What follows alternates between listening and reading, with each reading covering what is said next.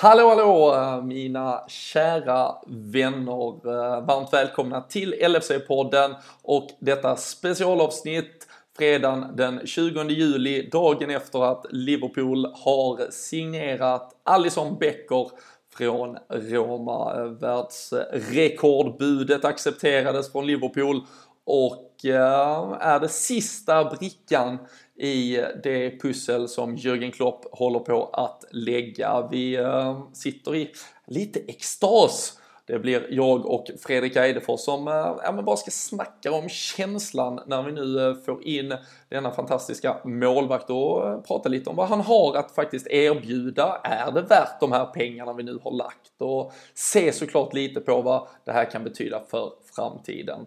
I vanlig ordning gör vi det med LFC.nu och såklart också Redspet.com. Det är eh, LFC.nu som gäller för all info, nyheter, allt möjligt och eh, redan i måndags kom första artikeln upp där om att det här var på väg att ske så eh, de eh, ligger ju inte på latsidan direkt och det är ju sådana här tider det kan vara bra att ha en eh, bra nyhetskälla att vända sig till. Redspet.com gäller såklart för all er eventuella betting men var såklart försiktiga, spela inte för pengar som ni inte har råd att förlora. Men nu snackar vi Allison och Liverpools sista pusselbit.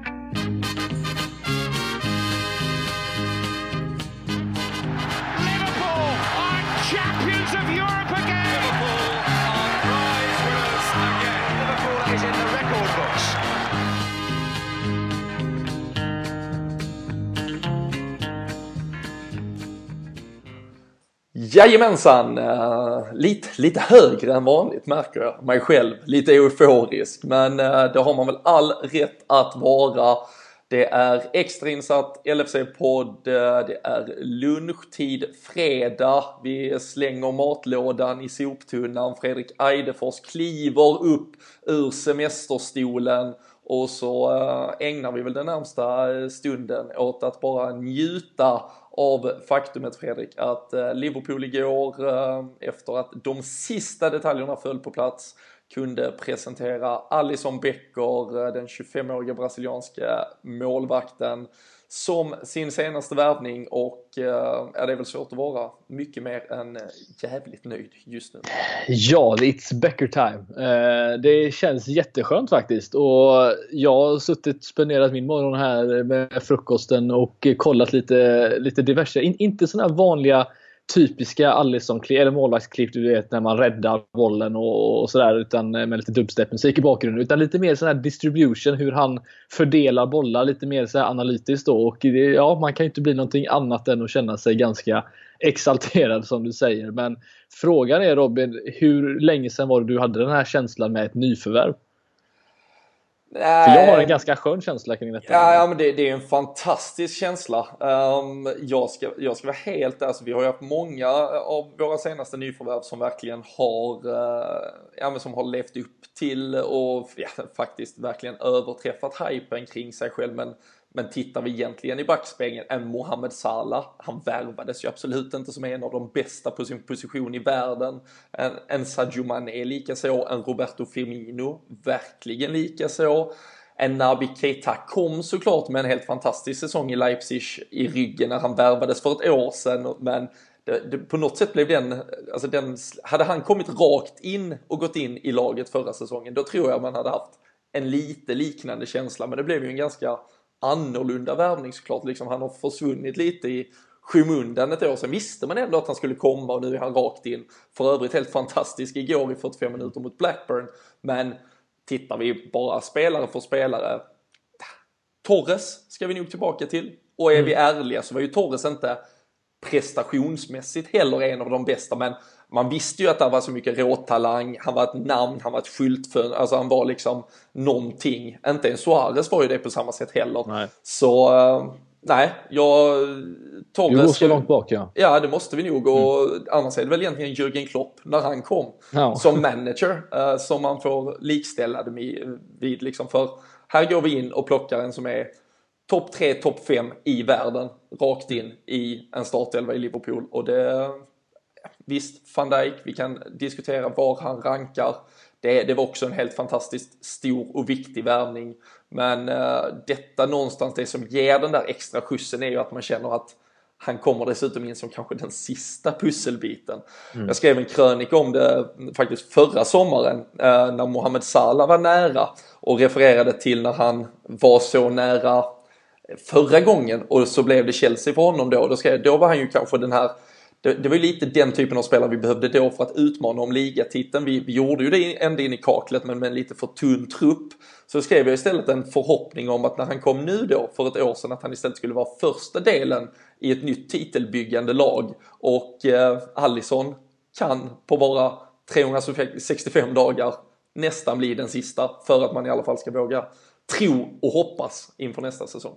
Ja, nej men precis. Och, och det, ja, som du sa det med Klopp också, just det med, alltså, det, det är just känslan när, när man, alltså det var pusselbiten man behövde då, det var Klopp. Man behövde en ny tränare, man behövde ett namn, man behövde någon som kunde föra Liverpool framåt. Och för mig så känns ju verkligen alla de spelarna du har nämnt ett, alltså en, en pusselbit i det hela. Men, men Allison är vi har sett så många målvakter i Premier League eh, vinna ligan åt, tillsammans med såklart en bra målskytt och sådär. Men Alisson eh, kommer göra en stor skillnad och eh, det finns statistik som visar det vi kommer gå in på sen också. Så att det här kommer, jag, jag har en jättebra känsla inför detta.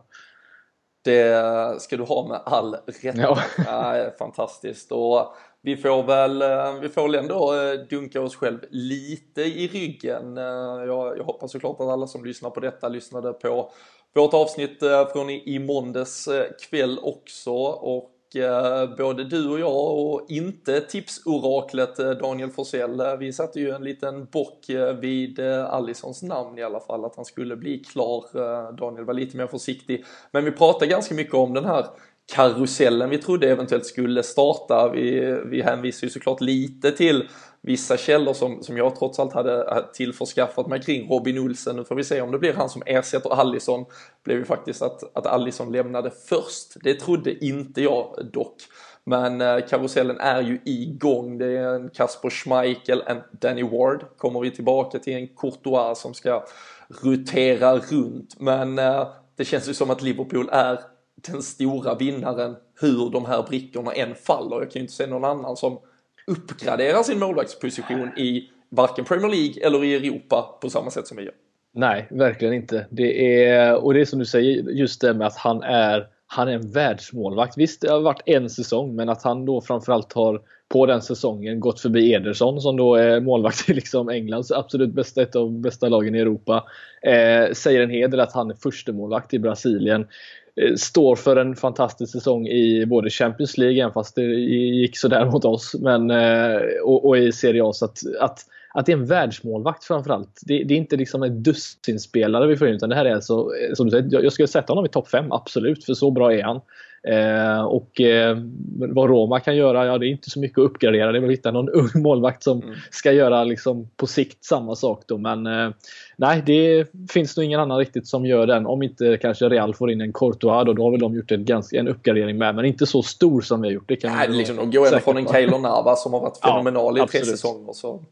Men eh, nej, det, det är såklart, eh, vi får se oss som de stora vinnarna såklart. Också som de stora spenderarna. Eh, så sett det är ett världsrekord bud vi la. Det är en, den dyraste målvakten genom alla tider, passerar Gianluigi Buffon och eh, Liverpool, det här eh, försiktiga nettspände förlorarna år efter år har nu värvat eh, världens dyraste mittback eh, i Virgil van Dijk och världens dyraste målvakt i Allison. Eh. Och det skäms vi väl inte för Fredrik? Nej, eh, verkligen inte. Och det är, så, det är så sjukt bara för jag vet inte om jag läste rätt, ja, du kanske har läst det också, men att de senaste 12 månaderna så har vi alltså Eh, på nästan på flera olika positioner har vi liksom slått liksom transferrekord efter transferrekord för oss, alltså för oss själva då så att säga. Och det är ju, säger en hel del framförallt att vi, vi, vi vågar satsa. För, för hur, går vi tillbaka i podden hur många år som helst så sitter vi där och säger att ja, men det känns bra men vi saknar det lilla extra. Vi saknar den här satsningen som, som de andra lagen gör. Och ja nu Robin, nu sitter vi här dagen efter vi har liksom slått det här rekordet igen och det känns som att det är på riktigt, är det så man kan säga? Det känns äkta den här gången vi, vi, har inte längre något att klaga på, det är bara att lägga ner podden. Nej, precis. Det är kört, vi har nått uh, nirvana här. Men Nej, det, ja. Nej, det, det, är såklart uh, fantastiskt. Det är bara som, det var väl fram till förra sommaren Andy Carroll var vår dyraste värvning. Han slår ja, sig inte ens in på en topp 5 längre. Uh, så nej, vi har ju steppat upp. Uh, sen märker man ju att många motståndarsupportrar nu ska göra sig lustiga över att vi då, eh, som jag inte vet vilken bild de har fått, eh, att vi ska ha suttit och klagat på att de eh, spenderar och att det är så himla hemskt och att vi banne mig gjorde på rätt sätt. Jag tycker väl snarare att 90% av alla Liverpool-fans har velat just att vi ska upp och spendera som dem. Vi har väl inte haft mm. något egentligen emot att de har gjort det, det har vi haft full förståelse för. Sen är det ju såklart att man kan lägga värderingar i var pengarna kommer ifrån, hur de kommer in, hur ser det ut på sista raden och så vidare. Där hur mycket rivalitet som än rinner under broarna så har ju Manchester United liksom byggt sig en, en så välfungerande ekonomi så att man aldrig har egentligen kunnat säga något om de värvningarna de har gjort. Och det, det är väl faktiskt den vägen Liverpool gärna ska få vandra, att vi ska kunna göra de här fantastiska värvningarna och ändå ha ett, ja, men ett marknadsvärde. Vi kommer såklart alltid också sälja ett par spelare och även fortsätta växa organiskt som klubb över hela världen och med den här typen av värvningar så gör man ju det såklart. En, vi tar väl över Afrika eh, så sakteliga med, med den eh, stommen som vi har därifrån nu och eh, börjar ju även eh, bli eh, något eh, halvsydamerikanskt eh, eh, samlingspunkt också. Så nej, det, det är såklart otroligt spännande tider. Ehm, vi, vi har suttit och varit kritiska mot att vi inte har gjort den här satsningen. Nu gör vi den och jag tycker inte det är liksom att, eh, vad var det vi sa, alla de som för fem år sedan sa att wait and see, men för det, det, det är väldigt olika hur man ser och le lever i sitt supporterskap och vad som frustrerar en. Vissa kan uh, sitta lugnt i den där båten och uh, vi har ju uppenbarligen suttit kvar i den även om det har varit med viss frustration ibland. Det har läckt några gånger i båten. Det har läckt några gånger men vi, vi sitter här nu och vi sitter här med, ja, men med en framtid som, som är ljusare än vad mm. den har varit sen, sen den här podden startades eh, i alla fall. Allison, som du nämnde, många har eh, säkerligen egentligen inte sett någonting av vad han gjorde i Roma om vi tar till en ligasäsong och fram till dess att de stöttes mot oss i Champions League-semifinalen.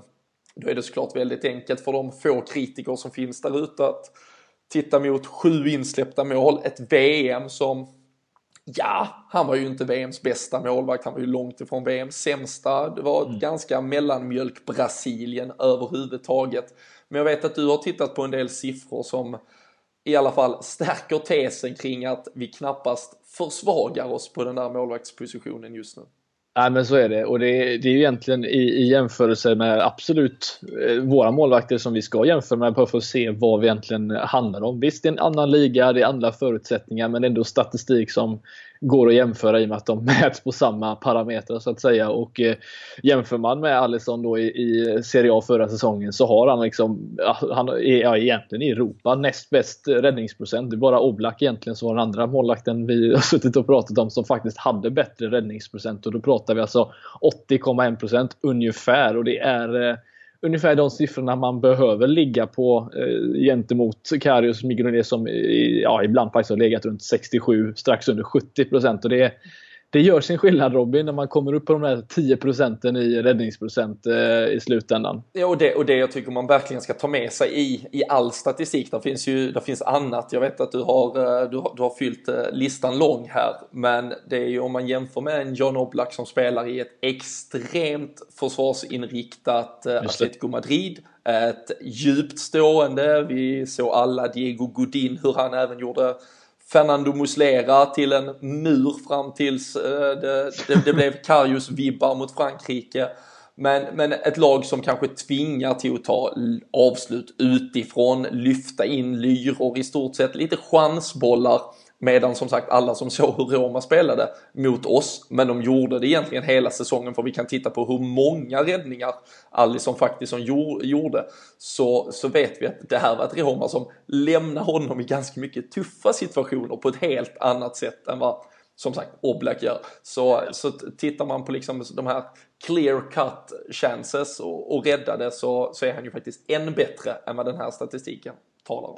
Det med, ja men precis. Och, och just den statistiken som du nämner när man ser hur han uppträdde mot oss. Alltså det är egentligen det är väl bara ett mål kanske man till och med kan vara lite så ifrågasättande. Det var väl Wijnaldums nick som eh, kändes som att han tvekade lite när han skulle gå ut på. Men alla målen på Anfield kan man ju egentligen säga att vad, vad ska han göra? så han, eh, han lämnas ju ensam mot, mot dem eh, alla egentligen hela tiden. Så att jag, jag, skulle inte kolla så mycket på den matchen och utgå bara från den som många andra fans som kanske, eh, som du säger, rivaler har suttit och kollat på. Men eh, nej, som sagt, han har haft en fantastisk säsong. Gjorde flest räddningar i Champions League dessutom. Eh, och då också för ett lag som går till en semifinal är ganska jag skulle väl säga utan att ha belägg för det kanske väldigt udda. Det är inte ofta man ser det i alla fall att en, en sån målvakt eh, går och gör liksom flest räddningar. Men eh, han utsätter som du säger väldigt mycket eh, från, sin, eh, från motståndarna. Och, eh, sen just statistik som jag tycker är intressant är just det här med de här som har kommit upp lite på senare tid. Just när man kan beräkna då efter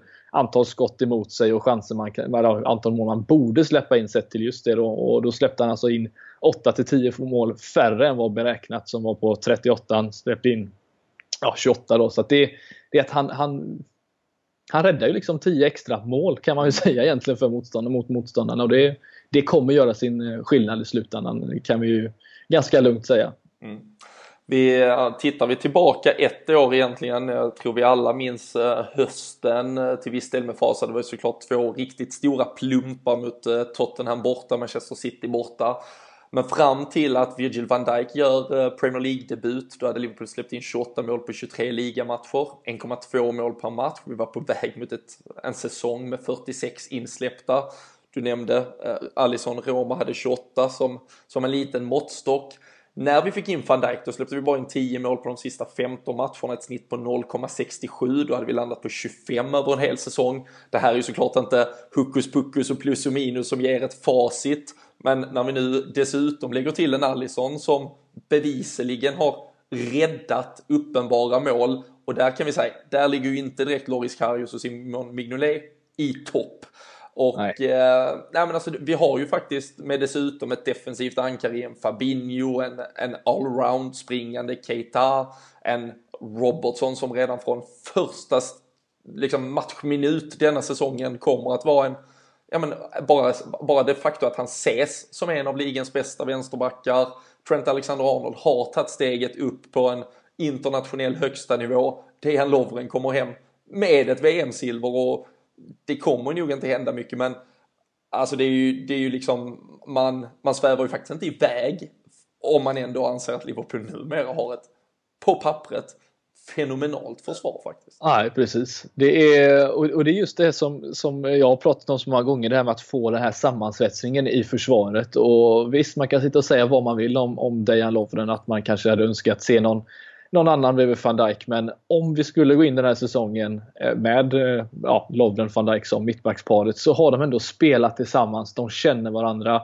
Jag tyckte det såg helt okej okay ut ändå och från, från dem tillsammans tyckte ju absolut att van Dijk var standout-spelaren av de två eh, som spelade. Men det kändes ändå okej okay och med de ytterbackarna och den målvakten så känns det stabilt för en gång skull. Som, jag vet inte, det senaste var typ 08-09 jag kände mig riktigt jävla liksom så här, jag känner mig lugn. Alltså det, det, jag känner inte att jag får någon panik när jag ska se någon passa ut en boll eller hålla bollen mellan mittbacken. Utan det känns bra. Och det är, det är, det vi ska, det är den känslan man ska ha. Även fast Alisson kanske har visat lite vågade passningar under säsongen i Serie A så känns det ändå som att det här känns som en trygghet att få in tillsammans med de andra. Så att jag, ja, på första, år, första gången på tio år känner jag mig rätt nöjd Robin. Ja, fenomenalt. Eh, vi vet ju om, eh, om man minns hur eh, Hugo Lloris eh, kladdade till det i Champions League-finalen. Eh, vi har ju ett par eh, videoklipp som cirkulerar där, där Allison ungefär behandlar den situationen med så mycket is i magen att han liksom lägger upp den på klacken istället. Bara ja, chippar upp den över benet istället med, med klacken. Liksom. Det, mm.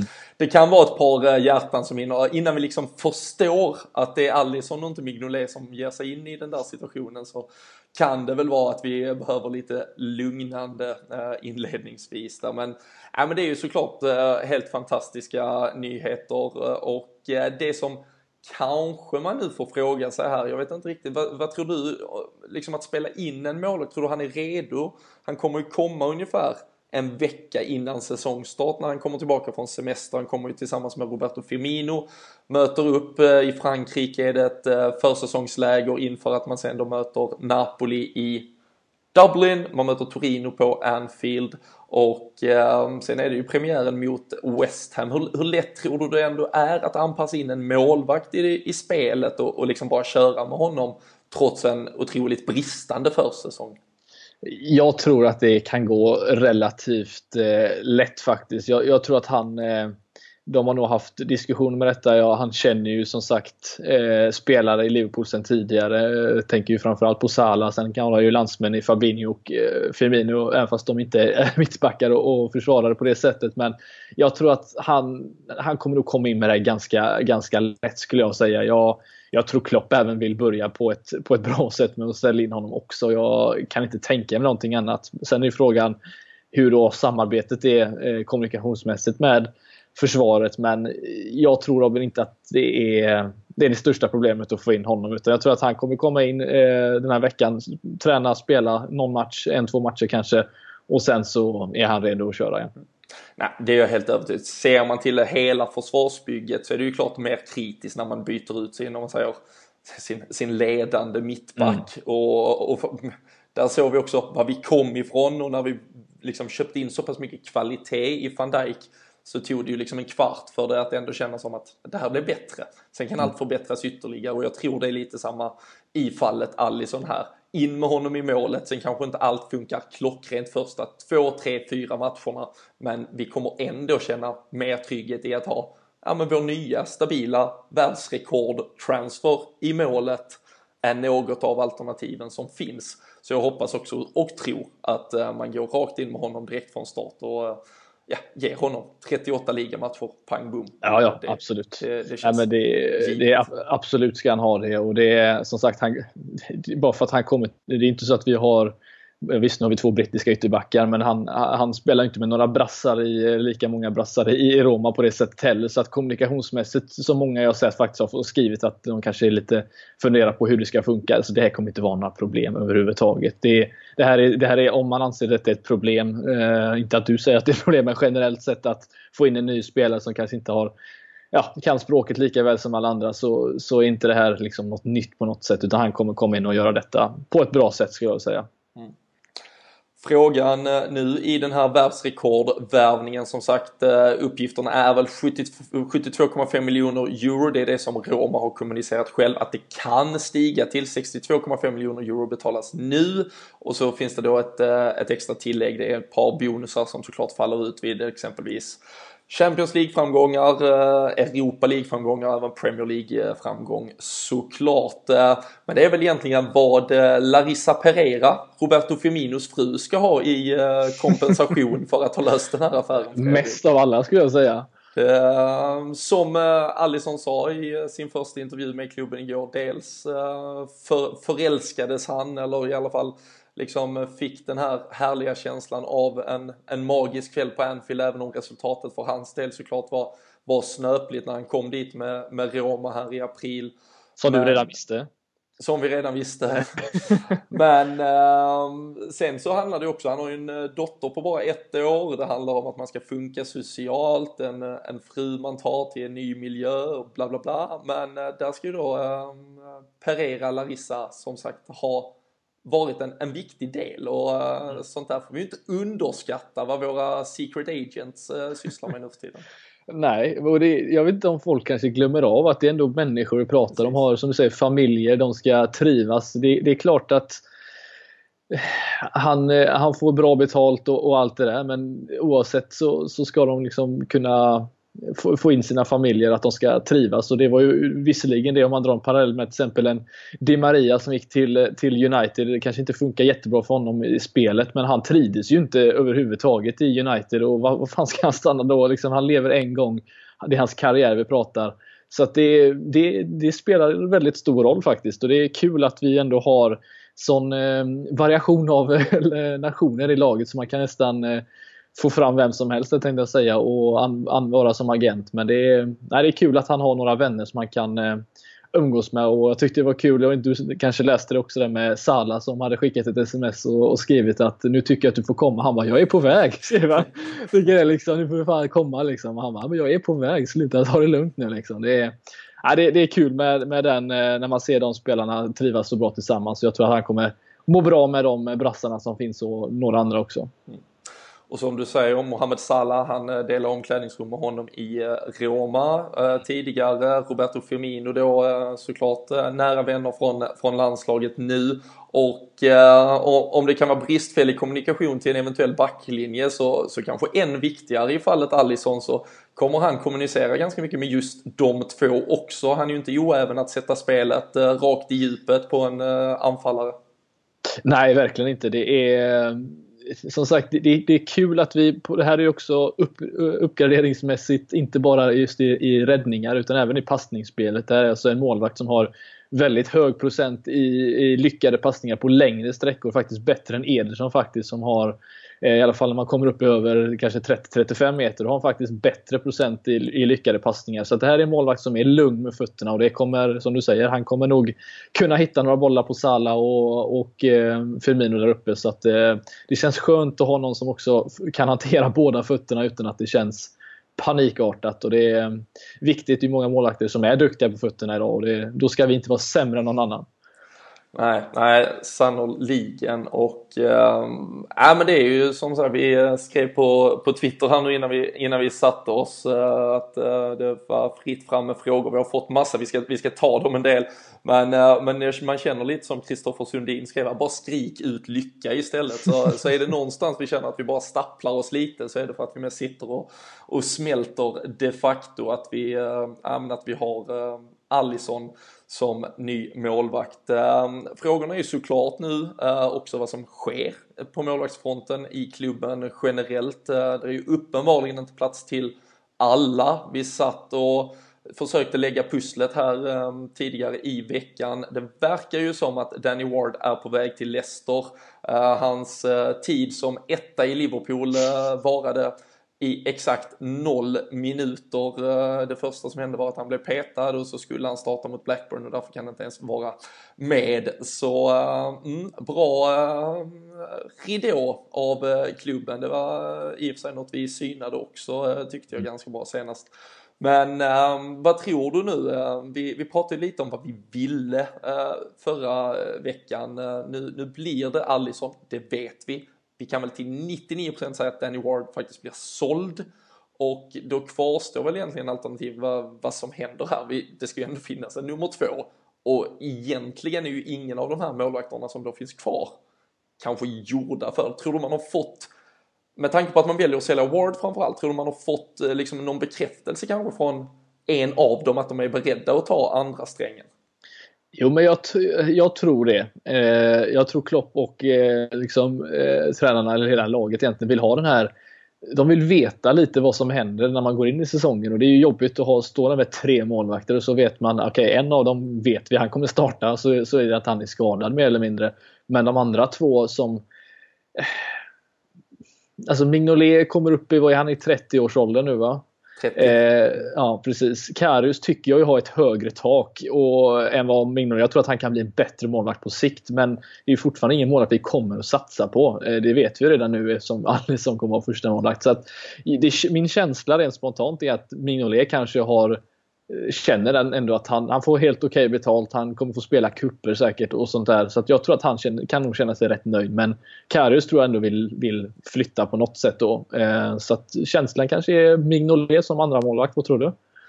Det är min känsla just nu och det är framförallt verkligen min, min förhoppning. Eh, jag tycker det hade varit eh, fenomenalt. Jag var inne på det förra avsnittet, eh, jag har skrivit lite om det att kan vi få behålla Mignolet som, som en tvåa, vi vet att han kommer vara, det är liksom en Allison som ska in i en akklimatiseringsprocess, alltså som spelare tror jag det kommer flyta och flyga direkt, men att ha Mignolet runt sig på träningsfältet, allting, jag tror han är fantastisk i den rollen. Jag kan ju inte se att Loris Karius sträcker in och ja, men har någonting att ge Alisson. Alltså de är ju liknande situationer i livet och som målvakt är han uppenbarligen sämre. Alltså Mignolet tror jag faktiskt har något att tillföra i en målvaktsrelation där på något sätt. Och dessutom som vi har pratat om så är han ju fenomenal i gruppen i övrigt. Så att sälja Ward, låna ut Karius till Tyskland, låta han göra en tillräckligt bra säsong för att vi ska sälja honom. Han köptes aldrig för dyra pengar så vi kommer få tillbaka de pengarna vi en gång betalade. Låt säga att vi till och med efter en bra Bundesliga-säsong och att han faktiskt börjar bli en etablerad målvakt i Europa skulle få ja, uppåt en 20 miljoner pund för mm. honom. Mm. Då har vi totalt fått 32 miljoner pund för Ward och Karius och då är plötsligt halva priset betalat på en Allison. Och han är ju köpt för att stå i vårt mål förhoppningsvis i 10 år. Han skriver alltså ett sexårskontrakt. Det är ju mm. stort sett det längsta man överhuvudtaget kan skriva. Så det är ju inte tänkt heller att vi ska ha någon som står på tillväxt och utmanar om ett år eller två utan den här rollen är ju den är vigd åt honom. Dessutom har vi en Kamil Grabara på, på bänken eller i ett U23 som kan fylla på som den tredje. Så sälja Ward, låna ut Karius, behålla Mignolet. Jag tror man har fått hans välsignelse på att han är beredd att ta minst ett år i klubben i alla fall. Och mm. att det är det vi satsar på just nu.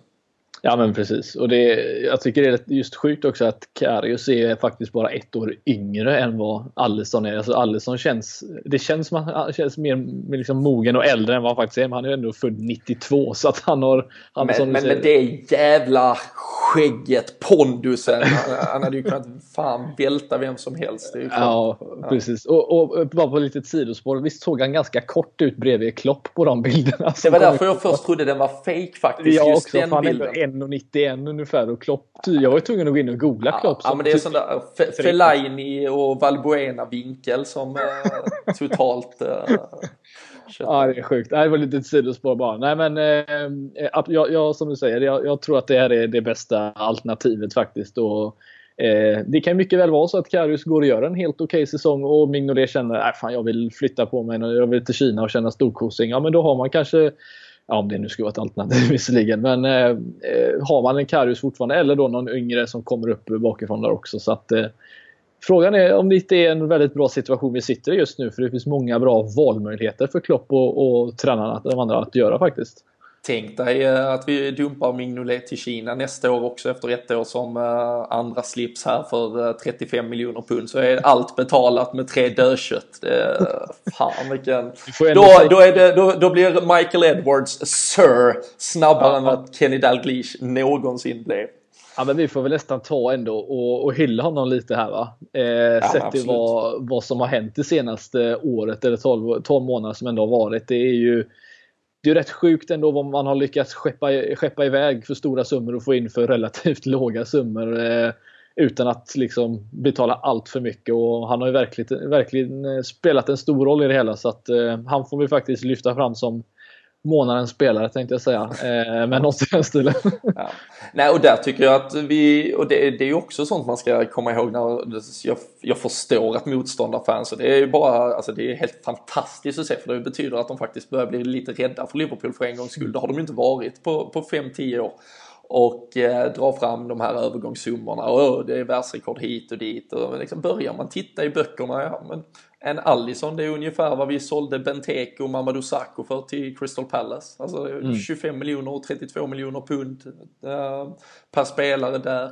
Jordan Ibe byter vi mot en Sherdan Shakiri om man tittar på hur, hur ekonomin har fördelats och så vidare. Så, sen är ju lönekostnader och det är väldigt mycket annat så det är liksom inte svart mm. eller vitt i det. Men, men om någon nu sitter ute och tror att vi liksom har läckt ett stort hål på 3 miljarder pund eller någonting, då, då är man liksom fel på det. Det har inte mm. varit uh, så konstigt har det faktiskt egentligen inte varit. Ehm, däremot ehm, Johannes Hage frågar, eh, är det Liverpools bästa transferfönster någonsin? Ja. Enkelt. Det får vi väl ändå säga. Ja. Ja, men jag, tycker jag, också. Jag, jag, jag, kan inte komma på något annat eh, där det faktiskt har känts Alltså, vi har fått in så mycket mycket kvalitet på en sommar. Jag tycker det är, det är, det är väldigt ovanligt att få in det, ja, i alla fall i våra mått. Men eh, jag, jag tycker detta är hands down det bästa eh, transferfönstret Liverpool någonsin haft faktiskt. Mm. Nej, men jag kan bara hålla med. Jag, jag vet inte ens riktigt, alltså det, det är liksom svårt att hitta något som ens skulle skulle, vara alternativet till det. Ja, det är väl Poulsen, Cole, uh, Ivanovic och Wilson då. Och Konchesky 2010. ja, Brad Jones tog vi nog fan in som andra ja. keeper den säsongen också faktiskt. Nej, fy fan. Um, A True Copite uh, undrar och uh, flaggar själv upp för att uh, han har slängt in tusen spänn på ligavinst nu på Redspet såklart, vår kära sponsor. Eh, han undrar om vi har samma förhoppningar när det gäller eh, att börja lyfta bucklor nu med denna truppen. Eh, på pappret är vi tillräckligt bra, ja. Eh, jag tror att vi kommer, skulle vi sitta här och, och kolla på någon Premier League-studio vi har satt så tror jag många experter där kan sitta och säga att de känner Liverpool som kanske nästa favorit och många andra också. Men för mig är, är nog eh, nästa säsong, liksom, det är då vi faktiskt, då, då kan jag nästan säga att då tycker jag att vi ska vara där den här säsongen spela fortfarande ihop de spelarna som har varit och få liksom ytterligare slåss på fler fronter skulle jag vilja säga. Jag skulle gärna vilja se en fa Cup-titel eller något i den stilen. Såklart ligatitel och Champions League med. Men eh, jag skulle vilja se oss bli lite mer liksom få den här vinnarmentaliteten mer då vi faktiskt kan gå och, och, göra det som City, och Chelsea och United har gjort de senaste åren. Eh, jag skulle nog gissa på nästa säsong att vi är redo då. Kanske inte den här. Mm. Uh, Klopp, uh, han konstaterade ju lite och nu som sagt det, det läggs ut ganska mycket uh, mörkläggningar och det pratas i lite, lite fällor hit och dit kring vad som eventuellt kan komma att hända men, men efter matchen igår mot Blackburn så fick han frågan om det här var ett tillräckligt bra lag för att nu utmana om en Premier League-titel så det han egentligen landade i sitt svar var väl att han i alla fall var väldigt nöjd med det laget mm. han hade skaffat sig och att det nog nu var färdigspenderat eh, för sommaren. Eh, det skulle ju i så fall om han är en man av sitt ord, vilket han inte har varit än så länge vad gäller just den här biten, men om vi tror det så ska det inte värvas något mer. Eh, det vi kan säga om vi utvecklar i alla fall Nabil Fekir som annars har varit det liksom hetaste ryktet såklart är ju att den här faktiskt, det här knäproblematiken som som många kanske såg som någon dålig ursäkt och så vidare i det tidiga skedet när den affären föll samman. Det, det har ju sipprat lite mer information kring det i alla fall och att det faktiskt är en rent ja, men en försäkringsmässig fråga. Att det, det, finns ingen riktigt som kan ta någon garanti. De summorna det pratas om och så finns det ingen som är beredd att egentligen försäkra Ja, man ska säga, han spelar karriär och de lönerna och det blir ju såklart en extrem risk för Liverpool att ta. Det är någonstans väldigt sunt att tänka så. Men tror du att Liverpool är färdigspenderade för i sommar även om vi då, även om vi räknar bort Fekir, att det skulle kunna mm. vara något annat? Jag tror att det, det finns eh, en spelare till som ska in. Eh, vare sig det blir en, en mittback som vi har pratat om eller eh, jag tror att det blir en offensiv spelare. Alltså en, en, en offensiv mittfältare som kan spela ja, men likt Fekir egentligen, kan spela offensiv mittfältare och egentligen i alla positioner där framme nästan. Eh, det, det, tror jag är på, på, på väg in. Sen om det, vem det nu blir, det är en annan fråga. Men det finns ju spelare Klopp har kollat på tidigare som säkert skulle kunna ta nästa steg. Jag vet att det pratats om en, en, en Brandt tidigare. Det finns ju en Draxler man inte vet någonting om hur hans karriär eh, ser ut heller. Det, det, är spelare som jag tror hade kunnat göra ett, ett fantastiskt jobb efter de förutsättningarna som jag precis nämnde. Att kunna spela på fler positioner. Så att jag tror att det Klopp säkert eh, kollar, in, kanske inte just på de spelarna, men eh, någon typ av den spelare som kan göra mycket på en och samma gång och eh, kan bidra med lite extra poäng. Mm. Det eh, är massa frågor som sagt, men jag tror att vi har eh, besvarat om Tobias Pettersson var inne på det här med Karius och Mignolet. Det tror jag vi har rätt ut. Sigrid Witestam undrade lite kring Fekir. Då har vi väl också, nu nämnde du att eh, liksom en offensiv spelare är det du tror. Sebastian Borelius slängde annars upp Vida Dejan Lovrens eh, mittbackskompis från det kroatiska landslaget Det har varit lite rykte, men din känsla är att om det blir något så är det offensivt? Ja, det, men det tror jag. jag. Jag tror att eh, vi har, vi har trots allt rätt i, i antal i alla fall. Sen kvaliteten får man ju diskutera i en annan podd kanske, men i antal spelare att skydda upp i backlinjen tycker jag att vi har en ganska trevlig, vi har minst i alla fall en ersättare på varje position och det tycker jag Eh, känns alldeles eh, utmärkt än så länge i alla fall. Men jag tycker att vi saknar en till eh, som kan tillsammans med Shakiri kanske utmana om en startplats där framme. Och då, då, då hoppas jag att Klopp eh, lyssnar på, på podden här nu. Och, eh, för det vet vi att han gör. Eh, sen tidigare. Nej, men jag, jag, har du också den känslan eller att det är något, något sånt på väg in? Eller, för att han, han säger inte, ja, som du säger, man vet ju att när han har ju sagt att saker tidigare så blir det ju raka motsatsen i slutändan. Så att man kan inte ta någonting vad han säger i media. Liksom, Nej, alltså det, det, dels, dels tycker jag inte det är lönt att försöka tolka Jörgen Klopp längre och jag tycker inte heller det är lönt att försöka tolka de här journalisterna som ska anses ha någon form av insyn. För det de har insyn i det är ju det, är ju det som Liverpool som klubb vill kommunicera ut. De var ju ett dygn eller två efter på bollen här vad gällde Allison-affären.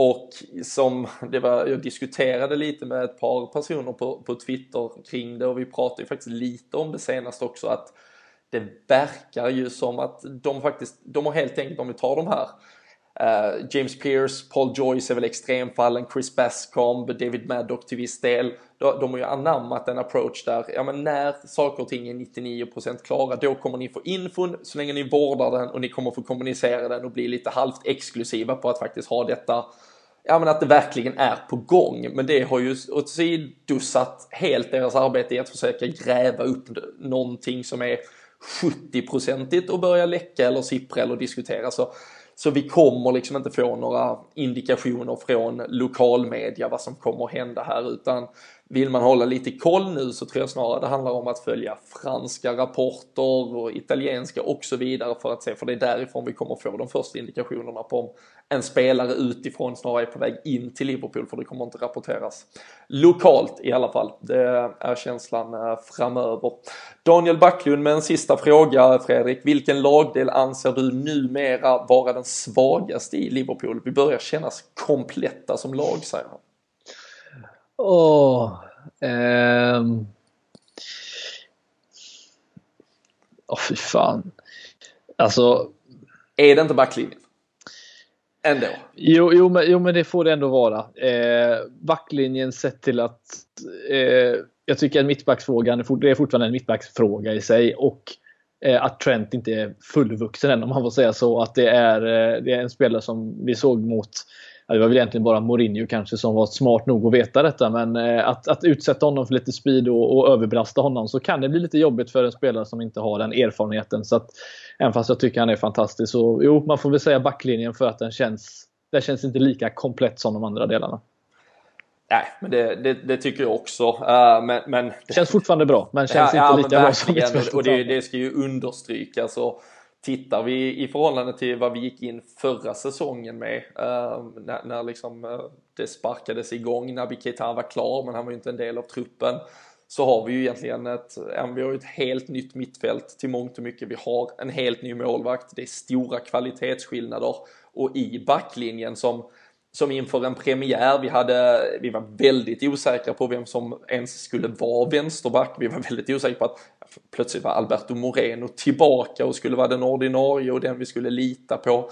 Vi hade ingen högerback för Nathaniel Klein var skadad och Trent Alexander var ju bara barnet egentligen och så mm. saknar vi den här mittbacken som där allt hade gått ja, i stöpet och åt helvete med en Virgil van Dijk-affär så egentligen har vi ju faktiskt sedan säsongstart egentligen tre nya av fyra i den där backlinjen. Vi har en ny målvakt och eh, rent teoretiskt kan vi komma ha tre av tre nya mittfältare. Vi kommer minst ha två av tre när premiären är mot West Ham. Så det är ju ett, ja, men ett smärre mirakelbygge på eh, bara ett år som sagt. Och eh, hade man förväntningar eller förhoppningar på att ett Liverpool skulle kunna göra något, något fint föregående säsong och vi gjorde ju det såklart med det Champions League-äventyr som krönte säsongen så är det ju med all rätta man skruvar upp förväntningarna nu och eh, vill man inte vara så säker så att man tror att vi vinner ligan så tycker jag man ska ha förhoppningen och förväntningen på ett Liverpool att minst kunna bli tvåa och den som nosar City längst till målsnöret egentligen. För jag tycker vi har ett bättre lag, inklusive bänk, även om bänken kanske har lite mindre spets än vissa andra bänkar. Men jag tycker vi är bättre på papper än Chelsea, United, Arsenal och Tottenham just nu i alla fall. Absolut. Nej, det, det, det, känns bara alldeles utmärkt. Och nu när du sa framförallt det där med, med, eh, med Robertson som du nämnde och ytterbackar och liknande. Alltså, när man fick se en Keita igår, nu beror på lite hur vi spelar, men jag, om vi utgår från ett 4-3-3 med Fabinho som har varit eh, liksom väldigt majestätisk som den här sittande mittfältaren, vunnit mycket boll och fördelat väldigt eh, eh, ja, väl får man ändå säga. Eh, en Keita, Mané, Robertson, vänsterkant om du förstår vad jag menar med liksom vänsterbacken. Alltså det känns, det vattnas ju i munnen med dem. Alltså vilken, vilken vänstersida vi har. Och, då inte, och visst högersidan vet ju inte då vem som kanske spelar i mittfältsrollen men den vänstersidan tror jag kommer bli fruktad av, av många i Premier League den här säsongen. Det är vi övertygade om att den kommer att bli. Ehm, det här var som sagt eh, extra insatt eh, om eh, Liverpools världsrekord transfer av Alisson Becker. Han fick in och eh, ut eh, till Liverpool för att eh, fullföra sin affär. Nu kommer han ha ett par veckors semester till. Om det blir att han åker tillbaka till Sardinien eller ska hem och packa i rum låter vi väl vara osagt tills vidare, men ansluter till laget åtminstone där drygt en vecka innan säsongspremiären mot West Ham. Vi fortsätter såklart hålla koll på allt som händer i och kring klubben.